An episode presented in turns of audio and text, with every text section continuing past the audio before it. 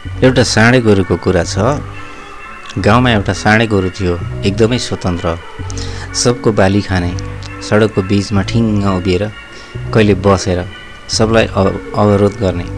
गाई गोठको घाँस पराल खाने कुराली गाई र लैना गाईमाथि रजाइ गर्ने र परिश्रमी पालुवा गोरुहरूलाई धम्क्याएर दोलो काट्ने गर्थ्यो राति गाउँमा साँडे आएपछि सारा कुकुरहरू नबिसाइ पुग्थे किसानहरू दैलोको छेउमा घोचो बोकेर डाङ्डुङ डुङडुङ गर्दै साँडेलाई भगाउन हल्ला गर्थे। रातको दादागिरी भए पनि दिउँसो त्यो साँडे हिन्दी फिल्मको गब्बर सिंह वा नेपाली फिल्मको राते काइँला बिर्साउने खालको थियो। हाम्रो घरमा एक दिन रातको समयमा बेलुका हामी ढिलोसम्म बसाइ भएको थियो। दस बजीतिर म सुत्ने तर्खरमा थिएँ र सुत्नु अगाडि शौचालय जान बाहिर निस्किएको थिएँ। बाहिर केही अँध्यारो थियो। केही अँध्यारो होइन साँच्चै अँध्यारो थियो।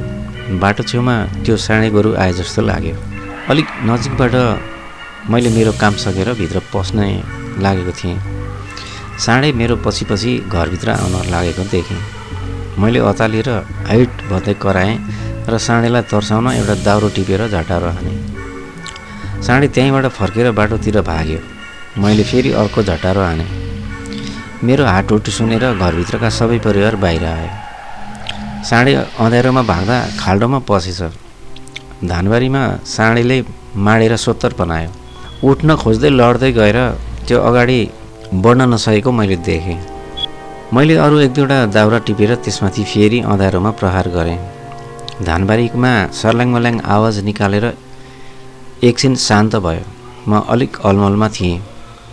तत्काल मलाई झट्का दिँदै साँडे गोरुको रूपमा देखेको त्यो आकृति मेरो भ्रम तोडेर बरको ओडेको एउटा मान्छे पो लरबराउँदै बाहिर नस निस्क्यो र मेरो हाम्रो नजिकमा आयो। मैले बल्ल तल्ल टर्च ल्याएर हेर्ने बुद्धि पुर्याएँ। मैले हानेको दाउराको चोटले होला। त्यो महिलाको निधारबाट रगतको धारो बग्दै थियो। त्यो महिलालाई देखेपछि म बालक जस्तै डरले रुन थालेँ। उसले एउटा दाउरो हातमा समातेर आफ्नो घाँटीमा बेसरी हिर्काइरहेकी थिए। मलाई इसारा गरेर उसले उसलाई मार्न सहयोग गर्नु भनेर सङ्केत गर्न थाले। ऊ मेरो छेउमा आएर भुइँमा उतार्नु परे र दाउराले हिर्काउन सङ्केत गर्दै आँखा बन्द गरेर बेहोस भए। साँडे गोरु भनेर झटाएर हानेको मानिसको रूपमा यसरी आएर हरकत गरेपछि मेरा आँखा आँसुले बन्द हुन थाले। म उसलाई बचाउने उपायमा अतालिरहेको थिएँ। उसको शरीर भुइँमा लथ्रक्क परिसकेको थियो।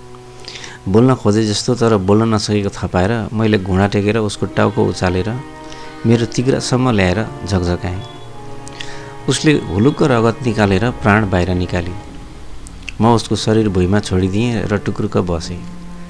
यो पीडाले त म साँच्चै डाको छोडेर रोएँ। घरका सबै सदस्यहरूमा अत्यास र आशंकाको भयानक खैला बैला भयो। यसपछि बल्ल छिमेकीहरूले थाहा पाए। एक एक गर्दै गाउँभरि कोलाहल भयो। र टोल र पल्लो टोलका सबै मानिसहरू दौड्दै हाम्रो घरतिर आए। एक घन्टा नहुँदै हाम्रो घरको अगाडि मानिसहरूको ठेलाम ठेल जम्मा भयो। म र हाम्रो परिवार स्तब्ध थियौँ।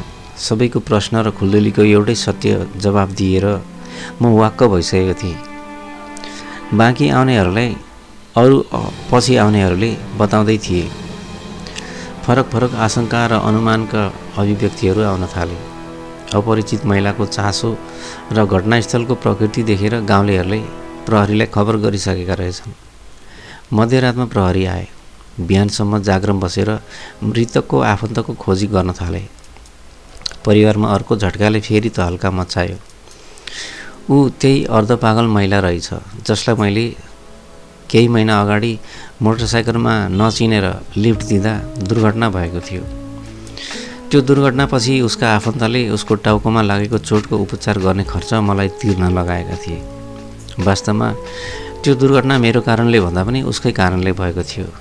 गाडीमा बस्ने बानी नभएको मानसिक सन्तुलन गुमाएको त्यो महिलालाई मैले नचिनेरै लिफ्ट दिएँ। गाडीमा बस्न नजानेर उसले गाडी हल्लाएपछि दुर्घटना भएको थियो। त्यो खर्चको बोझले हामीले दसैँमा मासु पनि खान नसकेर आँसुसँग भात खाएका थियौँ। पागल छ भनेर मलाई के थाहा? उनीहरूले मलाई नै पागल बनाइदिए। यो त पुरानो घटना थियो। अब अहिले जो भइरहेको छ बिहान भएपछि त्यो मृत शरीरको पोस्टमार्टम भयो दाह संस्कार भयो। मलाई अनुसन्धानको लागि भनेर सोधपुछ गर्न प्रहरी कहाँ लगियो? घरमा के भयो मलाई थाहा भएन। र दोषी बनाएर मलाई जब कैदमा राखियो कहिलेकाहीँ मेरी श्रीमती भेट्न आउँछिन् र रुँदै भन्छन् बेलैमा एउटा पार्टीमा लागेको भए ठाउँको ठाउँ डिसमिस हुन्थ्यो। सन्तानमा कसैले नबसेको आज तपाईँले जेल बस्नु पऱ्यो म उनलाई सधैँ एउटै जवाब दिन्छु कुन पार्टीमा बस्नु? सबै पार्टी त्यही साँडे गोरु जस्ता छन्। बदमासी गर्यो साँडेले भनेर झटारो हान्यो भने हो यस्तो मान्छे बनेर देखा पर्छन्। हाम्रो घरको गाई जस्तो भएको भए म पनि एउटा पार्टीमा पछि लाग्थेँ। अथवा पार्टीमा सेवा गर्थेँ साँडे जस्ता छन्।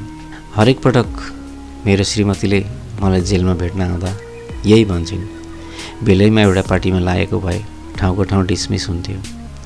सन्तानमा कसैले नबसेको जेल बस्नु पऱ्यो र म फेरि उनलाई यही जवाब दिन्छु कुन पार्टीमा बस्नु?